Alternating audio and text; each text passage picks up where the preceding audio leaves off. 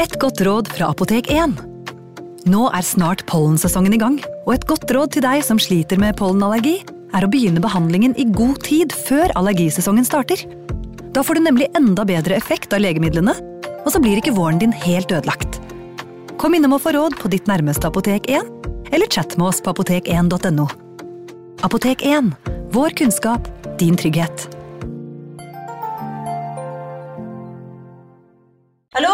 Jeg kommer fra Oslo politikammer. Ine Jansen er purk. Er du purk? The motherfucking bitch. Alt jeg vil, er å finne ut hva som skjedde med mannen min. Jon Carew. Er jeg sikta for noe? Iben Akeli. Det er du. Ole So, Lars Berrum og Big Daddy Karsten. Hvem sin side er du på, egentlig? Anette Hoff, Tone Danielsen, Kommer du fra Afrika? Jørnis Josef, Nesten kløfta. Trond Espen Seim, Det er synd å si det, men det var feil mann som døde. Purk. Premiere tirsdag på TV2 Play. Hei! Takk for at du lytter til True Crime Podden dokumentar. Skulle du ønske at du kunne høre en ny episode av denne podkasten hver eneste uke? Vel, da er det bare å laste ned podkastappen Untold med en gang. I tillegg til ukentlige episoder av podkaster som Skrekkpodden, Synderne og True Crime Podden, får du masse annet reklamefritt og eksklusivt innhold. Last ned Untold i AppStore eller Google Play, og start din 30 dagers prøveperiode i dag. you.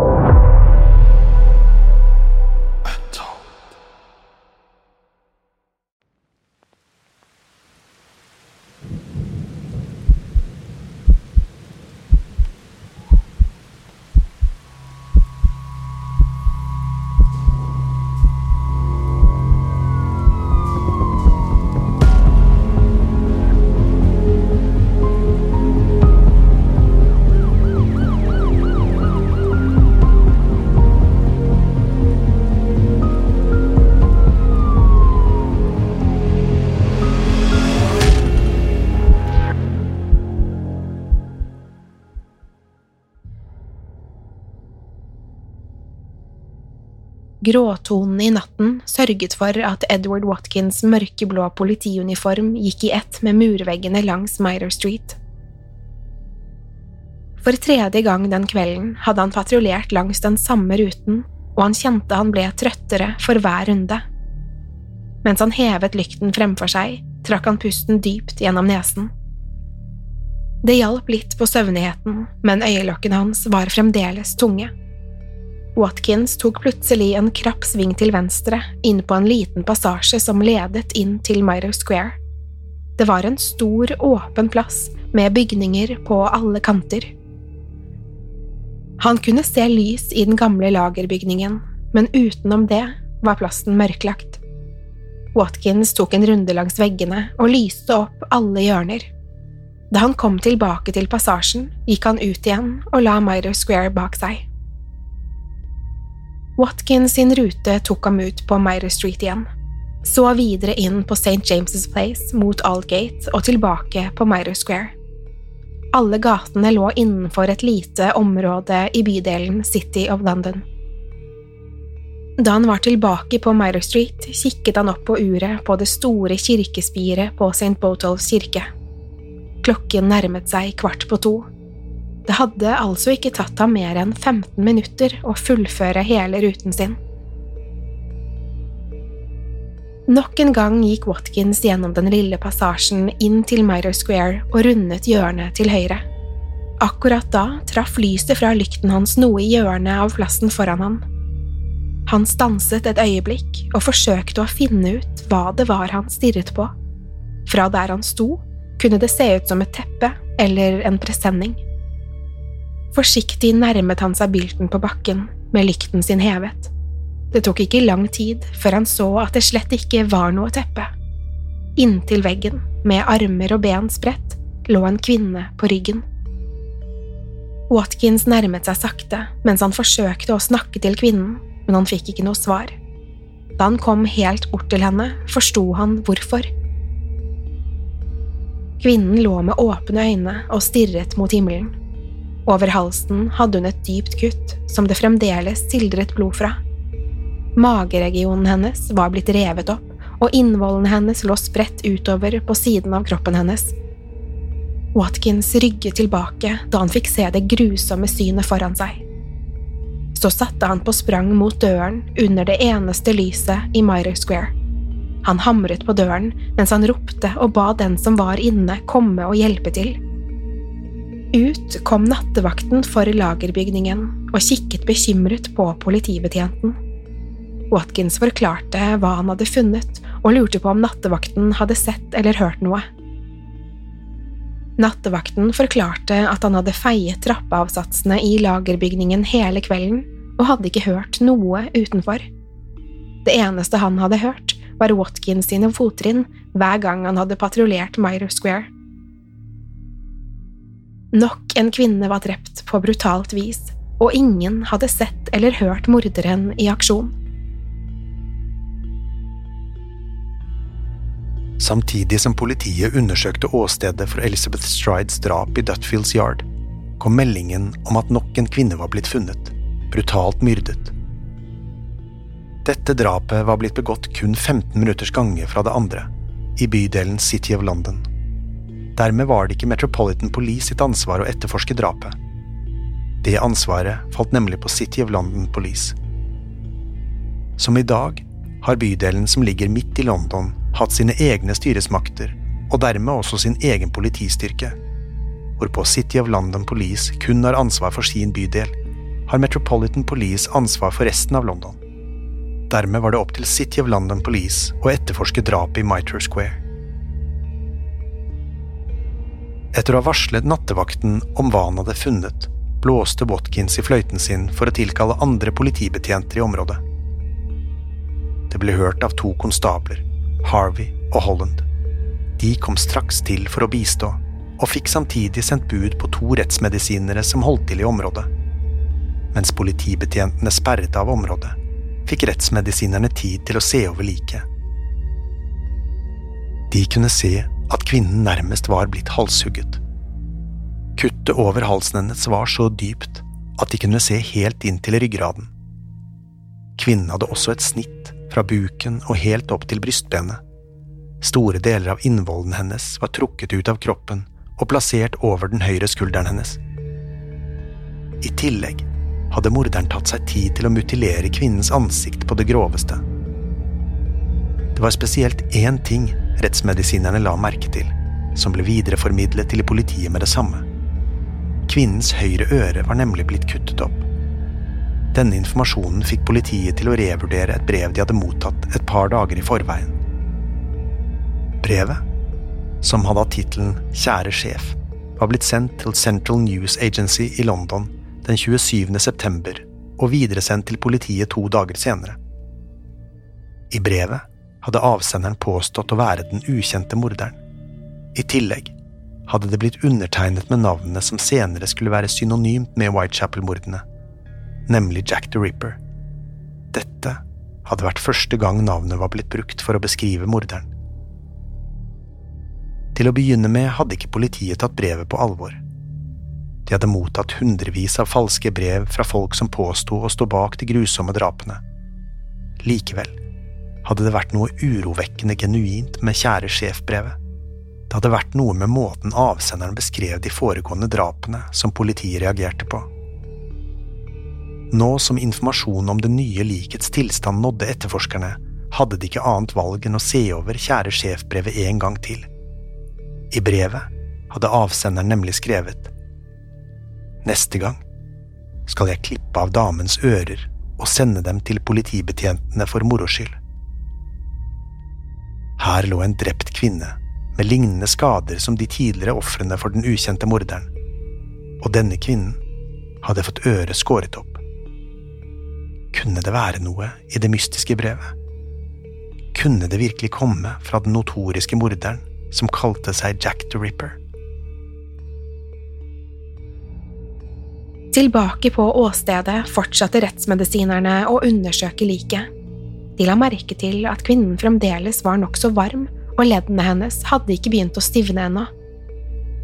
Dermed kunne de konkludere med at hun ikke kunne ha vært død i mer enn noen minutter før hun ble funnet. Det lengste rettsmedisinerne kunne strekke seg til, var til 30 minutter. Liket ble tatt med til videre undersøkelser, hvor det ble avkledd og vasket. Til rettsmedisinernes forundring så det ikke ut som kvinnen hadde noen selvforsvarsskader. Altså var hun sannsynligvis blitt overrasket av morderen og ikke hatt tid til å reagere før hun ble drept. Nå som blodet var vasket bort, kunne man se det virkelige omfanget av mutileringen. Kvinnen hadde flere dype kutt i ansiktet, spesielt i øyelokkene, munnen og kinnene. I tillegg var nesetippen hennes så godt som skåret tvers av. Under obduksjonen kunne de også se at kvinnen hadde fått fjernet den venstre nyren. Rettsmedisinerne var sikre på at den som sto bak drapet, måtte inneha kunnskap om organer og hvor de var plassert i kroppen. Som med de tidligere ofrene var det heller ikke her blitt gjort noen unødvendige snitt. Dette kunne tyde på at morderen hadde erfaring fra obduksjonssalen, men det var heller ikke utenkelig at han kunne være slakter. Med kunnskapene til en doktor eller en slakter mente rettsmedisinerne at morderen ikke hadde trengt mer enn fem minutter på å operere ut kvinnens nyre. Han måtte ha jobbet presist og effektivt for å få tid til både drapet, mutileringen og operasjonen. Mens liket ble obdusert, begynte politiet å avhøre folk i området. Kvinnen i Myra Square ble snart identifisert som 46 år gamle Catherine Eddowes. Catherine ble født i Wolverhampton i Midlands-regionen i England den 14. april 1842. Hun var det sjette av foreldrenes tolv barn og skulle ha hatt en relativt vanlig barndom. Da hun var veldig ung, hadde familien flyttet til London, hvor faren hennes hadde fått seg jobb. De slo seg ned i en liten leilighet i sørøstbydelen Birdmansley, hvor Catherine ble storesøster til seks søsken men innen 1857, da Catherine bare var 15 år gammel, hadde begge foreldrene hennes gått bort. Dermed ble hun og søsknene separert og sendt til diverse familiemedlemmer rundt om i landet. Catherine ble sendt tilbake til Wolverhampton, hvor hun fikk bo hos en tante. Her fikk hun seg jobb med å stemple tinnplater, samtidig som hun fullførte utdanningen sin. Men innen én måned var gått, hadde hun fått sparken fra jobben fordi hun ble tatt i å stjele fra arbeidsplassen. Dermed ble hun tvunget til å flytte igjen. Denne gangen bar det videre til Birmingham, hvor hun fikk bo hos en av onklene sine. I årene som fulgte, flyttet hun mye frem og tilbake, før hun til slutt endte opp i Birmingham igjen. I begynnelsen av 1860-årene ble Catherine kjent med en mann som het Thomas Conway. Han var tidligere soldat, men var ikke lenger i tjeneste. De to fant straks tonen og startet et forhold. Mens de bodde i Birmingham, fikk de også to barn sammen, som de kalte Catherine Anne og Thomas Lawrence. Til tross for at det ikke fantes noen beviser for at paret noen gang giftet seg, begynte Catherine å kalle seg Catherine Conway. I 1868 bestemte paret seg for å ta med barna og flytte til London. Her fikk de også sitt tredje og siste barn sammen, et par år senere. De slo seg ned i Westminster på byens vestkant og livnærte seg ved å selge såkalte chapbooks. Dette var små, håndskrevne bøker på ikke stort mer enn 40 sider, som inneholdt korte historier. Bøkene ble laget av Thomas selv, og familien solgte dem på gaten. Men selv om det kunne virke som de levde et godt familieliv, var ikke alt bare lykke i Conway-familien. Det ble nemlig sagt at Thomas hadde et veldig temperament og kunne ofte mishandle både Catherine og barna. Det hjalp heller ikke at Catherine hadde utviklet et alvorlig alkoholproblem. I tillegg var hun minst like temperamentsfull selv, noe som ofte endte i store krangler mellom henne og Thomas. Det hendte stadig at Catherine hadde fått et blått øye av Thomas, og ble nødt til å drikke bort smertene. Til slutt holdt hun ikke ut lenger, og i 1880 bestemte hun seg for å gå fra Thomas. Han fikk det fulle ansvaret for barna, og Catherine mistet kontakten med dem ettersom årene gikk. Etter bruddet flyttet Catherine til Whitechapel, hvor hun bodde på et losjihus i Flower and Dean Street. Her ble hun kjent med en ny mann som het John Kelly, og det tok ikke lang tid før de flyttet inn på samme rom på losjihuset. Her levde de som mann og kone de neste åtte årene, helt til Catherine skulle bli offer for den beryktede Jack the Ripper. Til tross for at Catherine og John hadde det godt sammen, var de begge fattige og levde fra dag til dag på det de klarte å skrape sammen. Likevel var Catherine en blid og imøtekommende kvinne som var godt likt i miljøet. Hun ble venner med de fleste hun møtte, og var kjent for å synge for folk, for å underholde dem. For å tjene til livets opphold tok Catherine de jobbene hun kunne få innen renhold og syoppdrag. Om tidene var spesielt harde, hendte det at hun måtte ty til prostitusjon, men det var svært sjeldent. I tillegg hadde Catherine og John en tradisjon hvor de reiste ned til Kent hver høst for å plukke humle. Dette var relativt vanlig blant folk fra East End. På den måten kom de seg ut av byen i noen uker, samtidig som de kunne tjene litt penger på å jobbe. I september 1888 reiste Catherine og John nedover mot Kent med tog, slik de pleide. Men turen skulle bli kortet ned denne høsten. På grunn av den uvanlig våte sommeren var det dårlige avlinger og få jobber på markene. Dermed bestemte paret seg for å reise tilbake til London den 27. september. Paret hadde regnet med å tjene seg opp til flere netter på losjihuset på markene, men etter bomturen til Kent hadde de ingen penger. Om ettermiddagen den 29. september bestemte Catherine og John seg for å gå hvert til sitt for å forsøke å skaffe pengene de trengte. Før de gikk fra hverandre, hadde John tatt Catherine til side og sett alvorlig på henne. Så hadde han bedt henne være forsiktig der ute i gatene. Alle hadde hørt om den ukjente morderen som jaktet kvinner i Whitechapel. Han ba henne derfor se opp og passe på hvor hun gikk og hvem hun møtte. Men da hadde Catherine bare avfeid han og sagt at hun ikke var redd for morderen. Om han skulle prøve seg, skulle hun nok få has på ham. Da Catherine spankulerte nedover gaten, ante ikke John at det kom til å bli siste gang han så henne i live. Hvor det ble av henne resten av den ettermiddagen, var det ingen som visste, men på et eller annet vis måtte hun ha klart å skaffe seg penger. Omtrent klokken halv ni den kvelden ble hun nemlig funnet svært beruset av en politimann i Aldgate High Street. Hun hadde skapt kaos i gaten, og det hadde samlet seg en liten gruppe tilskuere rundt henne.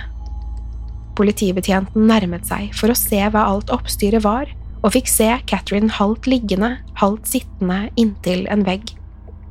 Han fikk skyflet bort tilskuerne og forsøkte å snakke med Catherine, men det hadde vært håpløst. Da han prøvde å hjelpe henne opp, hadde hun ramlet i bakken igjen, gang på gang. Til slutt så ikke politibetjenten noen annen løsning enn å arrestere henne. Catherine ble tatt med til Bishopsgate politistasjon, hvor hun ble plassert i en celle, slik at hun kunne sove av seg rusen.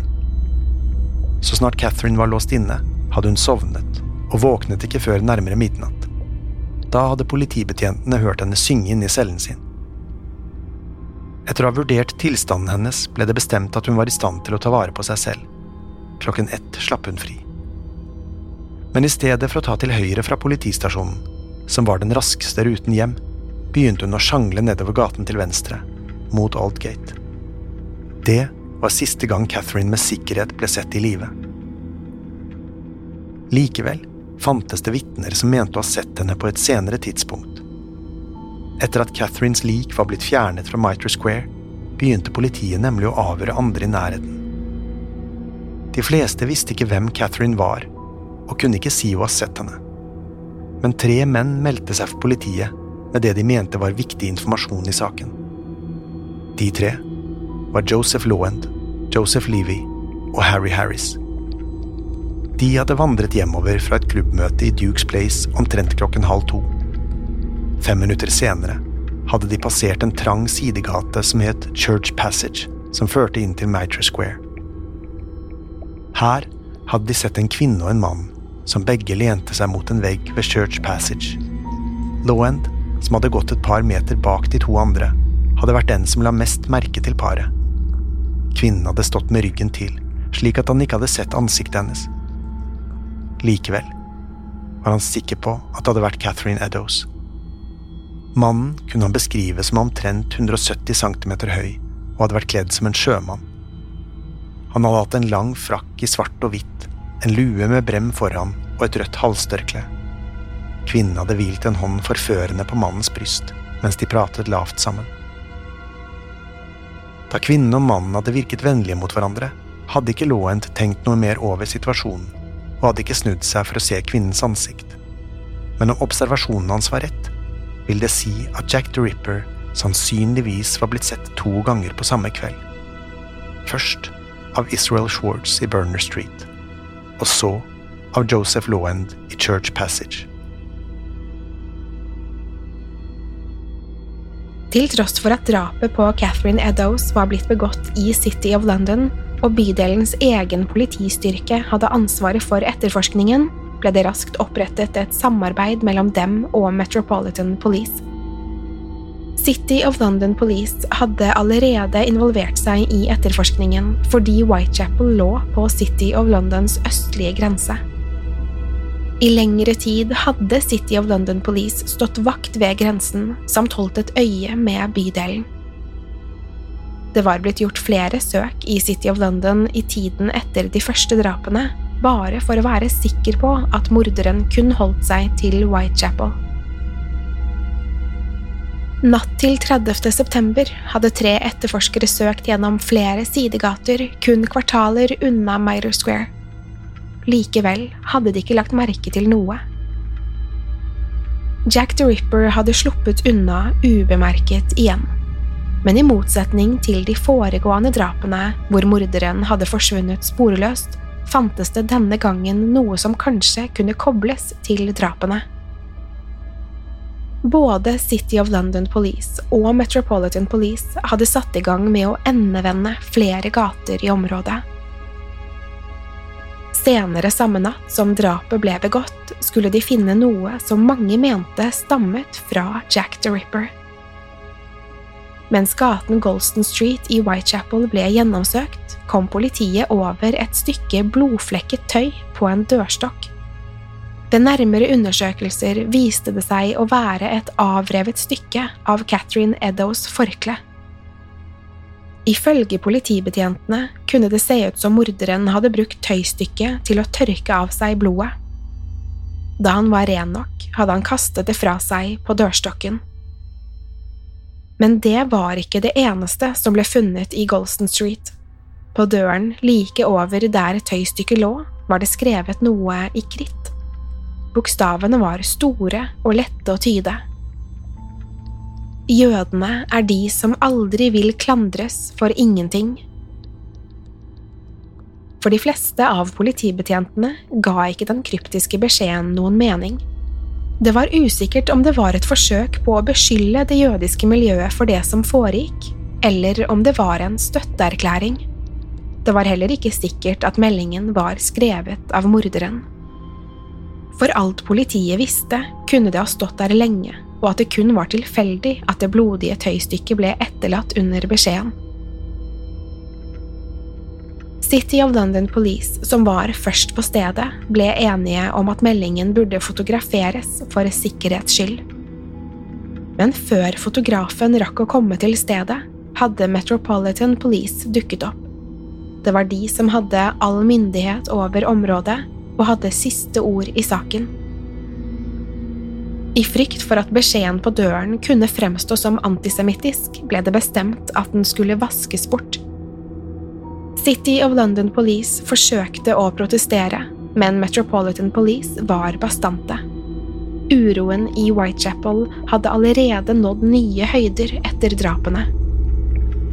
Samtidig var det voksne antisemittiske holdninger i byen. De ville ikke at denne beskjeden skulle skape mer uro. Dermed ble meldingen vasket bort før fotografen rakk å komme til stedet. På en natt hadde Jack the Ripper tatt livet av to kvinner. Politiet rev seg i håret. De var blitt ydmyket, og kritikken mot dem fortsatte å hagle.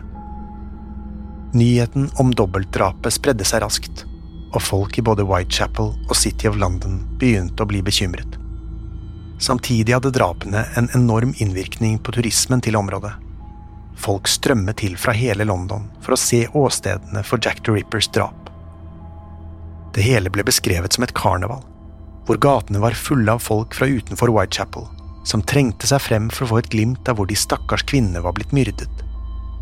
Innbyggere som bodde i nærheten av åstedene, kunne tjene gode penger på at turister fikk komme inn i leilighetene deres og kikke ned på åstedene ovenfra. Samtidig fortsatte politiet å etterforske de fire drapene som kunne knyttes til Jack the Ripper. De avhørte over 2000 personer, delte ut flygeblader og patruljerte gatene i store grupper. Noen politibetjenter kledde seg til og med ut som prostituerte i et forsøk på å lokke til seg den ukjente morderen.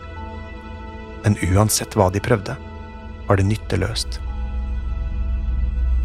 Morderen forble et mysterium. Det fantes ingen spor som kunne lede til Jack the Ripper. Ingen visste hvem han var, eller hvor han holdt til. Ingen andre enn Israel Schwartz og Joseph Lawend kunne si å ha sett morderen. Det eneste politiet kunne gjøre, var å vente på at morderen skulle slå til igjen, og håpe på at det ville være nye vitner. Så To dager etter drapene på Elizabeth Stride og Catherine Eddowes dukker det opp et postkort på kontorene til Central News Agency i London. Dette var de samme som hadde mottatt Kjære sjef-brevet noen dager tidligere. Postkortet var tilgriset med blod, og det var skrevet noe i rødt blekk.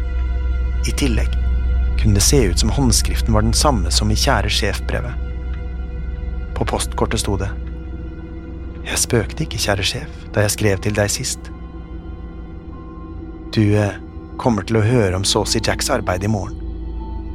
Det var en dobbelthendelse denne gangen. Den første hylte litt, kunne ikke gjøre meg helt ferdig, fikk ikke tid til å klippe av ørene så jeg kunne sende dem til politiet. Takk for at du holdt igjen mitt forrige brev til jeg hadde jobbet litt mer. Jack the Ripper. Postkortet, sammen med det tidligere brevet, fikk politiet til å lure på om avsenderen virkelig kunne være den ukjente morderen. Inntil nå hadde ingen andre enn Central News Agency i London og politiet hatt kjennskap til beskjedene. Nå ble det bestemt at brevet og postkortet skulle publiseres, i håp om at noen ville kjenne igjen håndskriften. De ble videreformidlet til flere aviser som alle trykket brevene, sammen med oppfordringen fra politiet. Men tiden gikk, og ingen kontaktet politiet med nyttig informasjon. I stedet resulterte publiseringen i en drøss med falske brev som alle brukte Jack the Ripper-navnet. Alle brevene måtte gjennomgås, noe som krevde enorme mengder tid og ressurser. Enn så lenge forble Jack the Ripper ukjent, og politiet hadde ingen flere spor å følge. Ettersom oktober gikk, og det ikke dukket opp flere døde kvinner, begynte folk i Whitechapel og City of London å vende tilbake til hverdagen. Mange trodde at de endelig var kvitt morderen som terroriserte bydelene men en drøy måned etter drapene på Elizabeth Stride og Catherine Eddowes skulle alle motbevises. Jack the Rippers siste og avgjørende drap skulle komme den 9. november 1888. Og denne gangen skulle politiet og befolkningen oppleve et monster som overgikk alt de hadde opplevd hittil. Om de hadde trodd Jack the Ripper var brutal tidligere, var det ingenting i forhold til hva han gjorde med sitt siste offer. Da ville han få tid til å gjøre akkurat som han ville, og drapet skulle bli beskrevet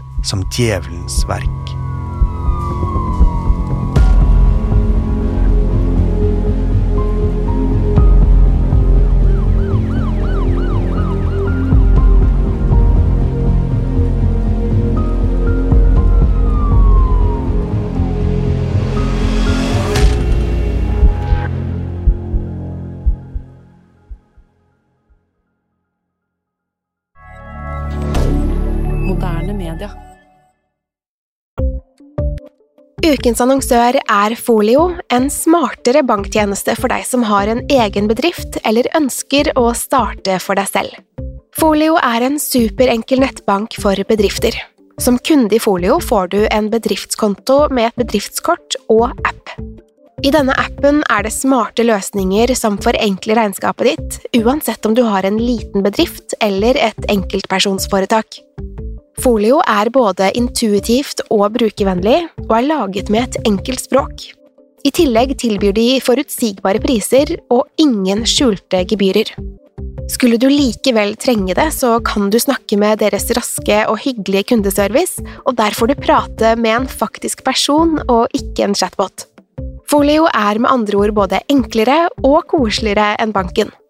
Over 10 000 bedrifter har allerede valgt Folio som sin banktjeneste, så besøk folio.no og se hvordan Folio kan forenkle din hverdag også. Har du et enkeltpersonforetak eller en liten bedrift? Da er du sikkert lei av å høre meg snakke om hvor enkelt det er med kvitteringer og bilag i fiken, så vi eh, gir oss her, vi. Fordi vi liker enkelt. Fiken superenkelt regnskap. Kiwi er billigst i VGs matbørs og har vært billigst i fire av de fem siste VGs matbørser. Og nå presser vi prisene på frukt og grønnsaker. På 200 gram broccolini setter vi prisen til 24,90. På 400 gram Cevita blåbær setter vi prisen til 49,90. Og husk, alle Kiwi Pluss-kunder får i tillegg 15% trumfbonus på all fersk frukt og grønt. For det er vi som er prispresserne. Og vi i Kiwi gir oss aldri på pris.